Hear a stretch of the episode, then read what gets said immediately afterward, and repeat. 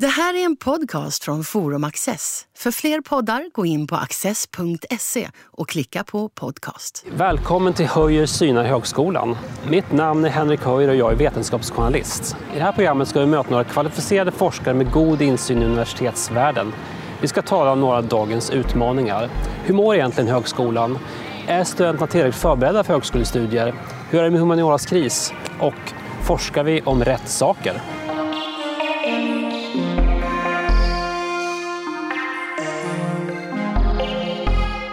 Det finns en växande kritik mot hur undervisningen fungerar på universitet och högskolor. Är det för många studenter och kan de verkligen läsa och skriva? Det ska vi diskutera med dagens gäster. Ulf Danielsson, professor i teoretisk fysik vid Uppsala universitet och Hanna Enefalk, lektor i historia vid Karlstad universitet. Hanna, du skrev en artikel tillsammans med några kollegor i Uppsala Nya Tidning 2013 om att deras studenter inte kan svenska. Du skrev så här, citat. Studenter missförstår muntlig och skriftlig information, klarar inte av att läsa kurslitteraturen och förstår inte tentafrågorna. Slut citat. Vad har hänt sedan dess? Ja, min uppfattning är att eh, lärarna på grundskolan och gymnasiet kämpar på. Ehm, och skillnaden hittills har ju blivit kanske vare sig bättre eller sämre utan jag tycker att det är ungefär samma situation nu. Så det är fortfarande lika dåligt? Ja, tyvärr, men det är i alla fall inte sämre. Och, eh, när ni skrev artikeln, hur, var det, tyckte ni att det spetsade till det mycket eller hur, liksom, hur gick arbetet till? För du skrev tillsammans med en handfull kollegor. Ja, jag kan säga att jag, jag, skrev det första utkastet och det var betydligt argare än det som gick i tryck sen. Så att det är snarare så att vi, vi slätade ut lite och vi var lite försiktigare i, i det som gick i tryck sen. Men det var väldigt tillspetsade formuleringar? Jag, jag, jag var väldigt... Eh, eh, jag, jag, jag, blev ganska upprörd när jag insåg att, att så här, så här illa är det. Studenterna kan verkligen inte uttrycka sina tankar och de kan inte, de kan inte ta till sig kvalificerad text. De kan ibland, vissa av dem inte ta till sig ens enkeltext. Så jag, jag, jag var rätt uppbragt där när jag skrev. Ni skrev också så här, allt för många av dem förstår helt enkelt inte vad vi, vad vi säger. Mm. Det låter väldigt beklämmande. Mm. Ulf, känner du igen den här bilden? Som ja, ja, jag, jag känner igen det. Nu är jag i ett naturvetenskapligt ämne så då kan man ju tänka sig att det inte är riktigt samma krav på att kunna uttrycka sig och skriva långa texter utan det handlar lite det är mer ett matematiskt innehåll när det gäller inte minst tentor och liknande. Men man ser det där ändå. Och eh, ganska elementär ordförståelse har blivit ett problem när det gäller att formulera uppgifter på tentor inte minst och också klagomål på att texterna är för långa. Annars är det så att man får ofta motsatta klagomålet, att man ska formulera uppgifter som inte är direkta typuppgifter, det är uppenbart vad man ska räkna ut, utan istället ska man beskriva med ord någon situation som är lite mer komplex och det gäller att gå in och plocka ut det som är, är viktigt. Men där får man ibland klagomål från studenterna därför att de förstår inte texten. Det blir för mycket att läsa helt enkelt. Så att det här är någonting som jag också faktiskt känner igen. Vad fick du för reaktioner sen på artikeln, Hanna? Det var väldigt många som höll med och väldigt få som inte höll med. Så att det verkar ju som att vi inom universitetsvärlden är ju ganska överens om att det här är ett bekymmer. Eh, från studenthåll så har jag inte fått så mycket mothugg heller. Det var någon enstaka lärarstudent som, eh, som kände sig utdömd, inte minst då för att eh, när man säger någonting i media så tar de ju alltid och klipper ut liksom det mest tillspetsade man säger. Och så får man inte med det här att studentgrupperna är olika. Alla är inte lika dåliga på svenska. Eh, studenterna kan vara bra på många andra sätt. Lärarna i grundskolan och gymnasiet kämpar stenhårt. Vi kan inte lägga på dem hur mycket som helst och så vidare. Fast samtidigt är ju det här ett problem för att jag ser inte som universitetslärare att jag har verkligen varken som uppgift eller kompetens att gå in och korrigera språk.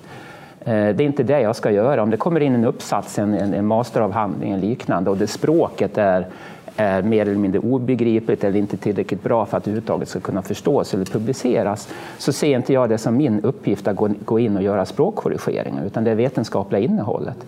Ändå måste du på något sätt måste det åtgärdas på något vis. Jag tror i grunden så handlar det om att eh, man har inte tillräcklig respekt för vilka förkunskapskrav som behövs för att komma in på en universitetsutbildning. Det är där problemet ligger. Men hur har vi hamnat här? För det ni säger är ju väldigt alarmerande och det var en artikel senast förra veckan i Universitetsläraren som, som bekräftar den här bilden. Det var ett citat från en uppsats som var ren rappakalja från någon av de större lärosätena som var citerad. Alltså, hur, hur har det blivit så här? Alltså en, någonting som jag tror är en viktig ingrediens i det hela det är att det är svårt att säga på vilket sätt Eh, det har skett en, en allmän försämring. Därför att det också, hänger också ihop med det faktum att det är större studentkullar. Åtminstone inom mitt område är det så. Vilket gör att spridningen blir väldigt, väldigt stor. Vi ska komma till det. Ha, Visst är det så. Men eh, dessutom så är det ju 90-talskrisen och, och kommunaliseringarna av, av skolan har ju inte gjort gjort saken bättre. Jag tror att även utan de här bredare studentkullarna så skulle det här bli ett problem just för att skolan har, har fått så pass mycket stryk. Hur hanterar ni det här som universitetslärare? Det är ett pedagogiskt problem. Hur, hur jobbar ni? Ja, vi har fått, fått lägga in moment helt enkelt där vi faktiskt just går ner och rättar och inte på masternivå då, utan redan på A och B, att vi lägger in seminarier, studenterna får läsa tillsammans med oss, skriva tillsammans med oss och så rättar vi helt enkelt. Så att vi, vi jobbar för fullt med att, att anpassa utbildningen så att eh, studenterna inte ska komma för högt upp i nivåerna utan att ha med sig språket. Då, vilket inom vårt ämne, de kommer inte så långt utan språket. Men det här måste ju ta en massa resurser från historieundervisningen, för du är historielärare ja, på universitet. Ja, och dessutom får ju vi inom humanioran så väldigt lite pengar per student då, jämfört med naturvetarna. Så att eh, visst, det eh, det, det, innebär en omfördelning som, som vi helst hade sluppit. Mindre historia alltså? Mm, vi låter dem ju läsa historiska texter förstås och skriva om dem. Jag tror inte att det handlar om olika ämnen mot varandra utan problemet är nog generellt. Och det innebär ju också hos oss att man måste göra sådana här saker. Alltså man måste gå in och, och rätta och hjälpa till på ett sätt som inte egentligen skulle behövas. Nu gäller ju inte det här bara kunskaper i svenska utan det kan också gälla kunskaper rent matematisk färdighet. Det är också ett, en färdighet som man behöver för att kunna komma in på en universitetsutbildning borde vara så i alla fall. Ja, det där håller jag med om, att det inte bara är svenskan. Nej. För vi har ju problem, vi ska ju undervisa om allt från medeltidens jordbruk till teknisk innovation. Så att, så att även i vårt ämne så behöver ju studenterna även kunna liksom baskunskaper om naturvetenskap, biologi, faktiskt även matematik. Och man ser samma problem där alltså också? Ja. Och Vad säger du Ulf om naturvetenskapliga förkunskaperna då, matematik? Ja, ja men det, det, är klart att det finns problem där också. Det gäller just den här allmänbildningen, en naturvetenskaplig allmänbildning, att man har en världsbild, någonting att placera in sin kunskap i. Men i något läge vill jag ändå komma tillbaka till det, det är en viktig poäng, alltså just det här med spridningen. För det är också någonting som gör att det påverkar på vilket sätt man hanterar det hela. Jag är inte riktigt säker på att det är verkligen så att de absolut bästa, att de verkligen, att man där har sett en, liksom en reduktion, alltså den här spetsen. Jag tror att den finns kvar fortfarande. Men sen är det en enorm spridning mellan de bästa och de bästa förutsättningarna och de som egentligen inte borde vara i studentgrupperna. En enorm spridning och det är väldigt svårt att hantera som lärare. Man skjuter lite grann i mitten och det går över huvudena eller det är för elementärt för vissa grupperingar. Och det är det stora problemet för mig. Håller du med om det Hanna? Ser du också samma spridning? Ja, absolut. Um, och just det här som sagt att det är jättesvårt att få hela studentgruppen med sig. Mm. Absolut. Uh, däremot så tycker jag inte att vi ska kapa av hela den nedre halvan. Mm. Uh, utan vill de komma och studera hos oss så, så kom bara kom tycker jag. Vi, vi, vi tar det. Vi får fixa det på något vis. Det är så. Ulf, du skrev nämligen i Svenska Dagbladet 2016 att antalet studenter i Uppsala Lund borde halveras. Mm. Berätta, varför ska ja, jag, jag tycker så här att eh, tanken är nu att det är många som vill läsa på högskolan och, och, och, det är rimligt också att det är fler som läser på högskolan nu givet att vårt samhälle har utvecklats och förändrats på det sättet som det har gjort. Däremot så är det inte säkert att alla ska läsa precis samma typ av högskoleutbildningar eller universitetsutbildningar.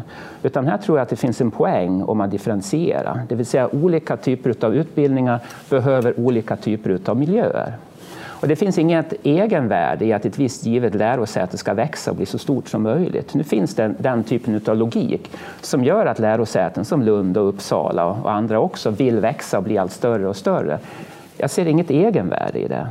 Däremot ser jag ett egenvärde i att det finns högskolor på många håll i landet, regionala högskolor med en anknytning till den regionala miljön, kanske regionala näringslivet och det kan också fungera som, som ett sätt att locka eh, också unga att börja studera. Så det är viktigt att man har det.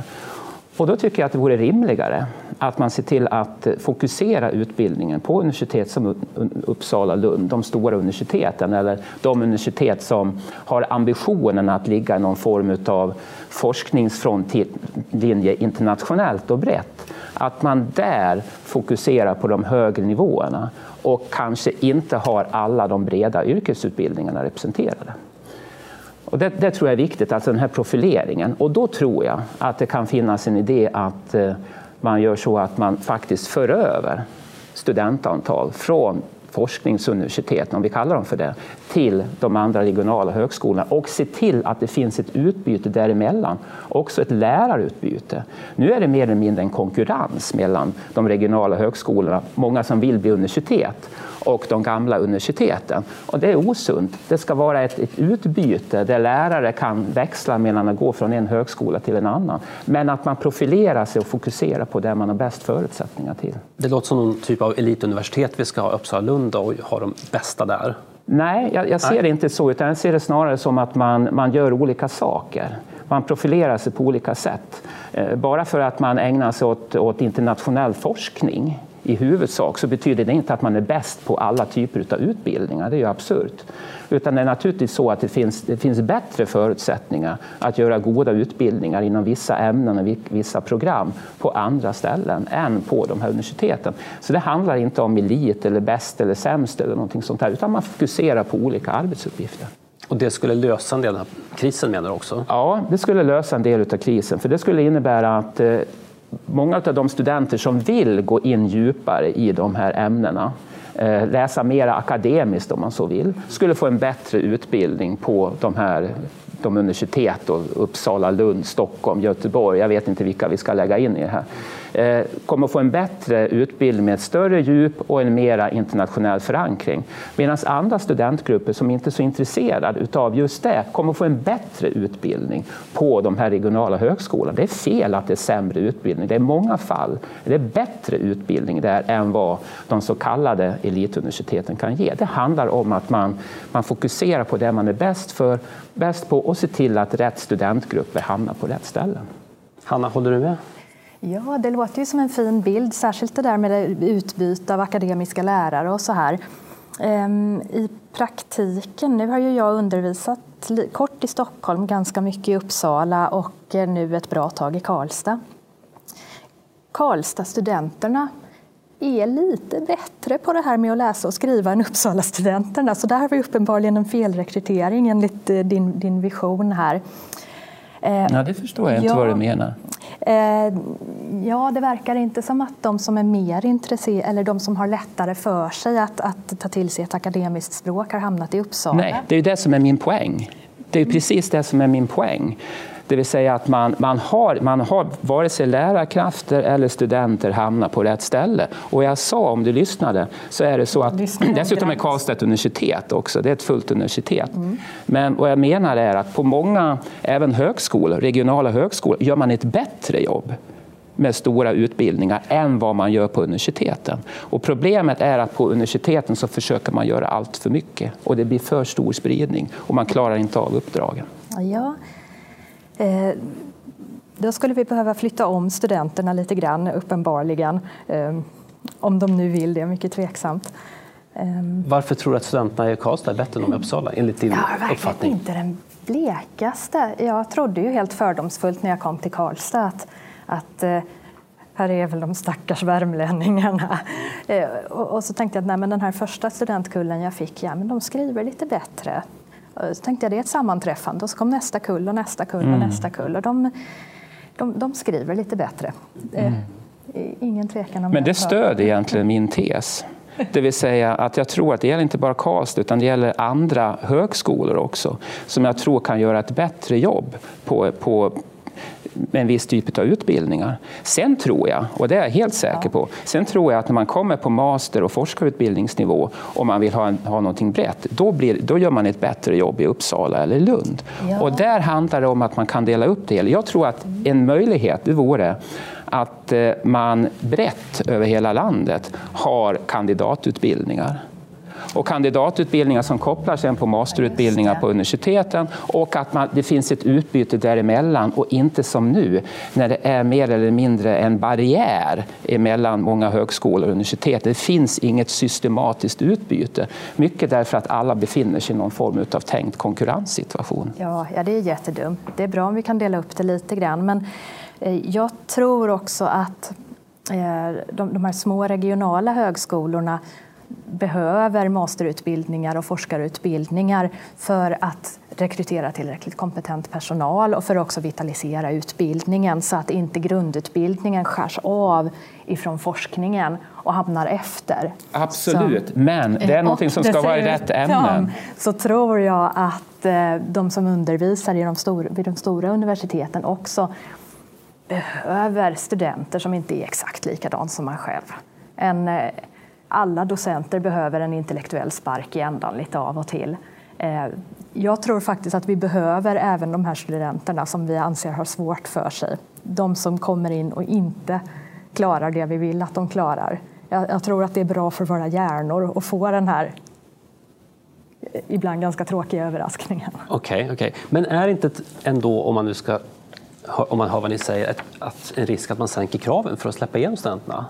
Att ja. man så att säga, rättar upp dem så att de kommer igenom och blir av med dem? Eller hur funkar ja. det? Ja, vi får ju en pott med pengar. Dels för antagna studenter som är kvar efter vad är det, tre veckor. Och sen får vi en pott med pengar för de som faktiskt klarar utbildningen. Eh, och det här är ju ett ekonomiskt incitament för att godkänna studenter. Jag menar, det är ju så ekonomiska incitament fungerar. Eh, bort med den tycker jag. Ge oss pengar för det jobbet vi gör istället för de antalet studenter som går ut med ett G.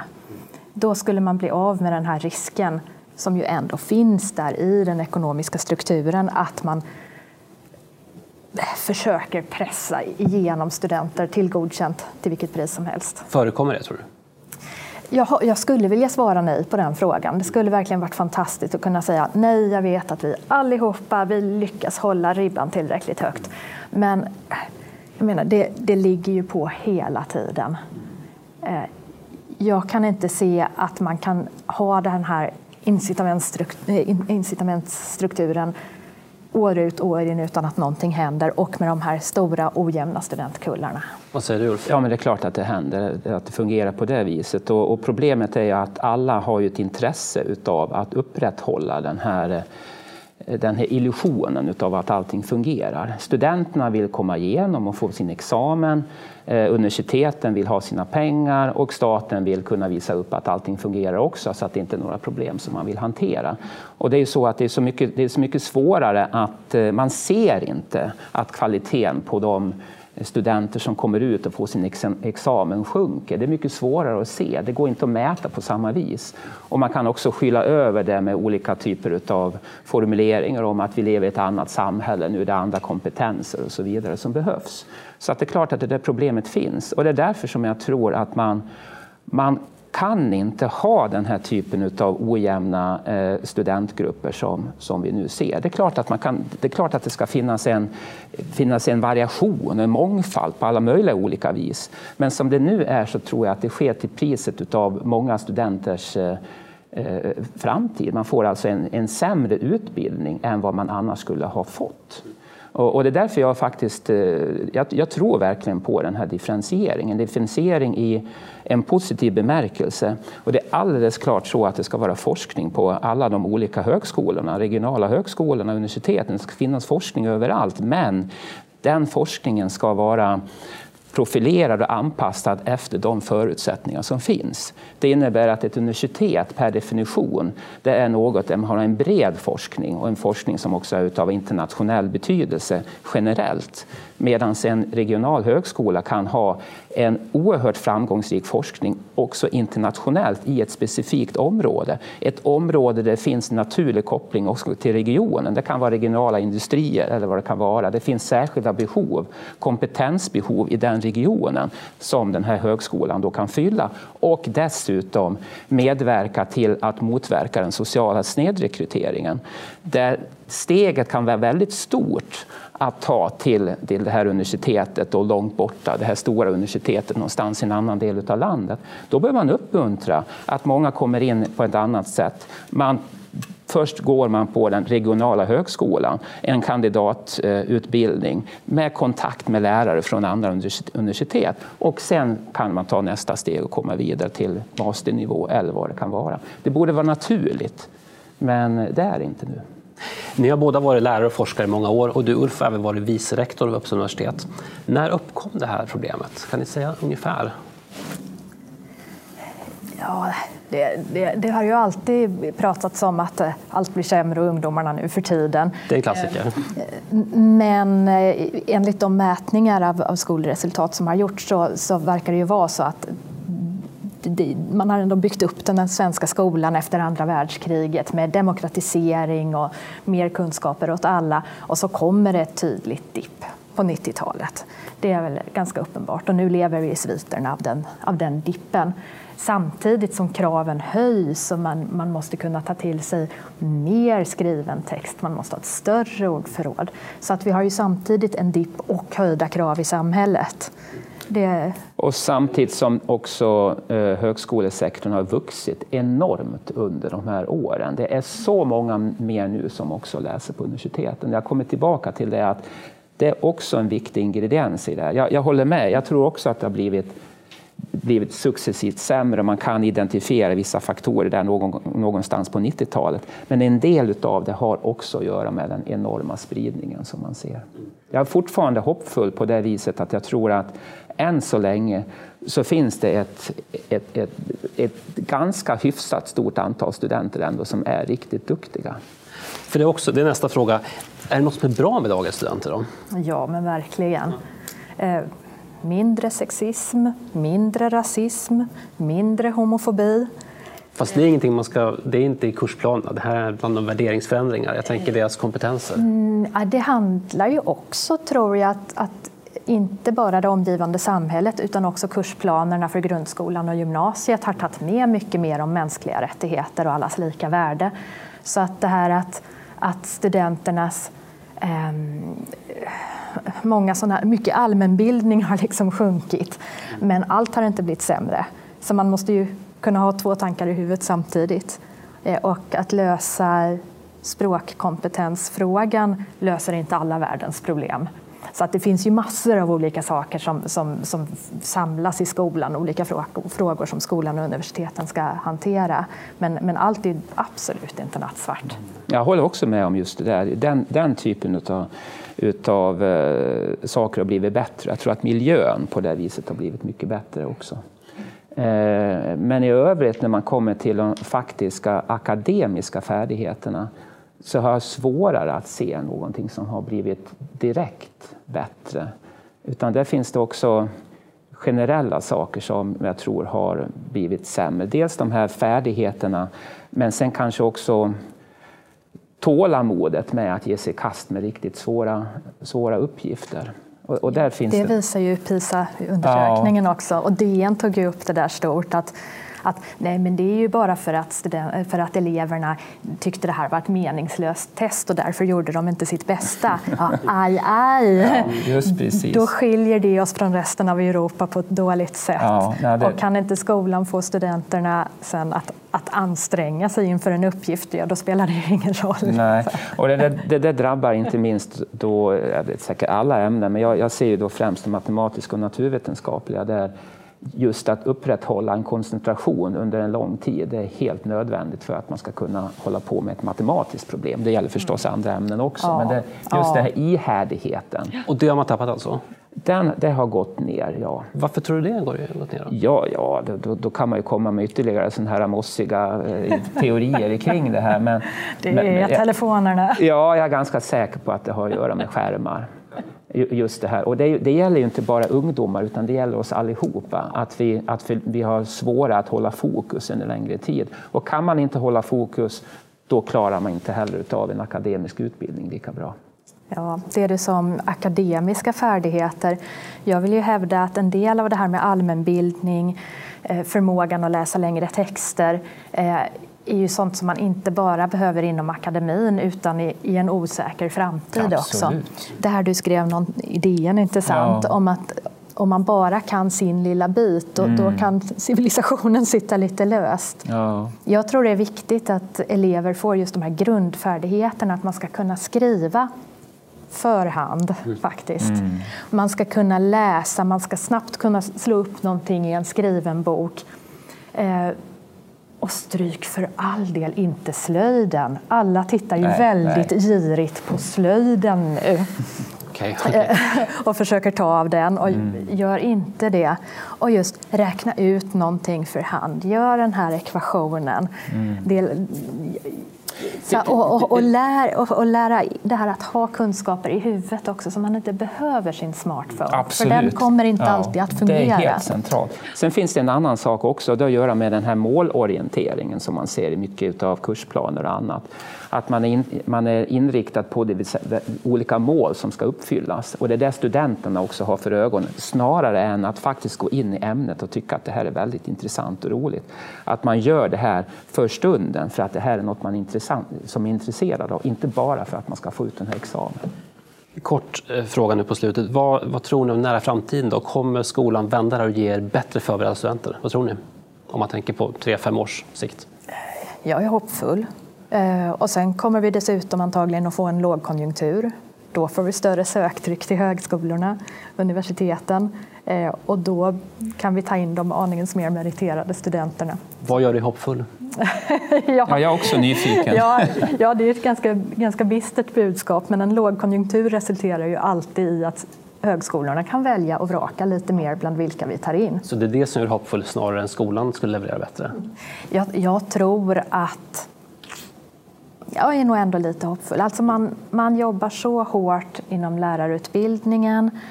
Eh, individuella lärare jobbar på. Det finns en medvetenhet på politisk nivå om att man måste göra någonting. Vi har en lärarbrist. Eh, jag, jag, jag, jag tror att den här medvetenheten om det här arbetet kommer att ge positiva resultat. Det tror jag faktiskt. Vad säger Ulf?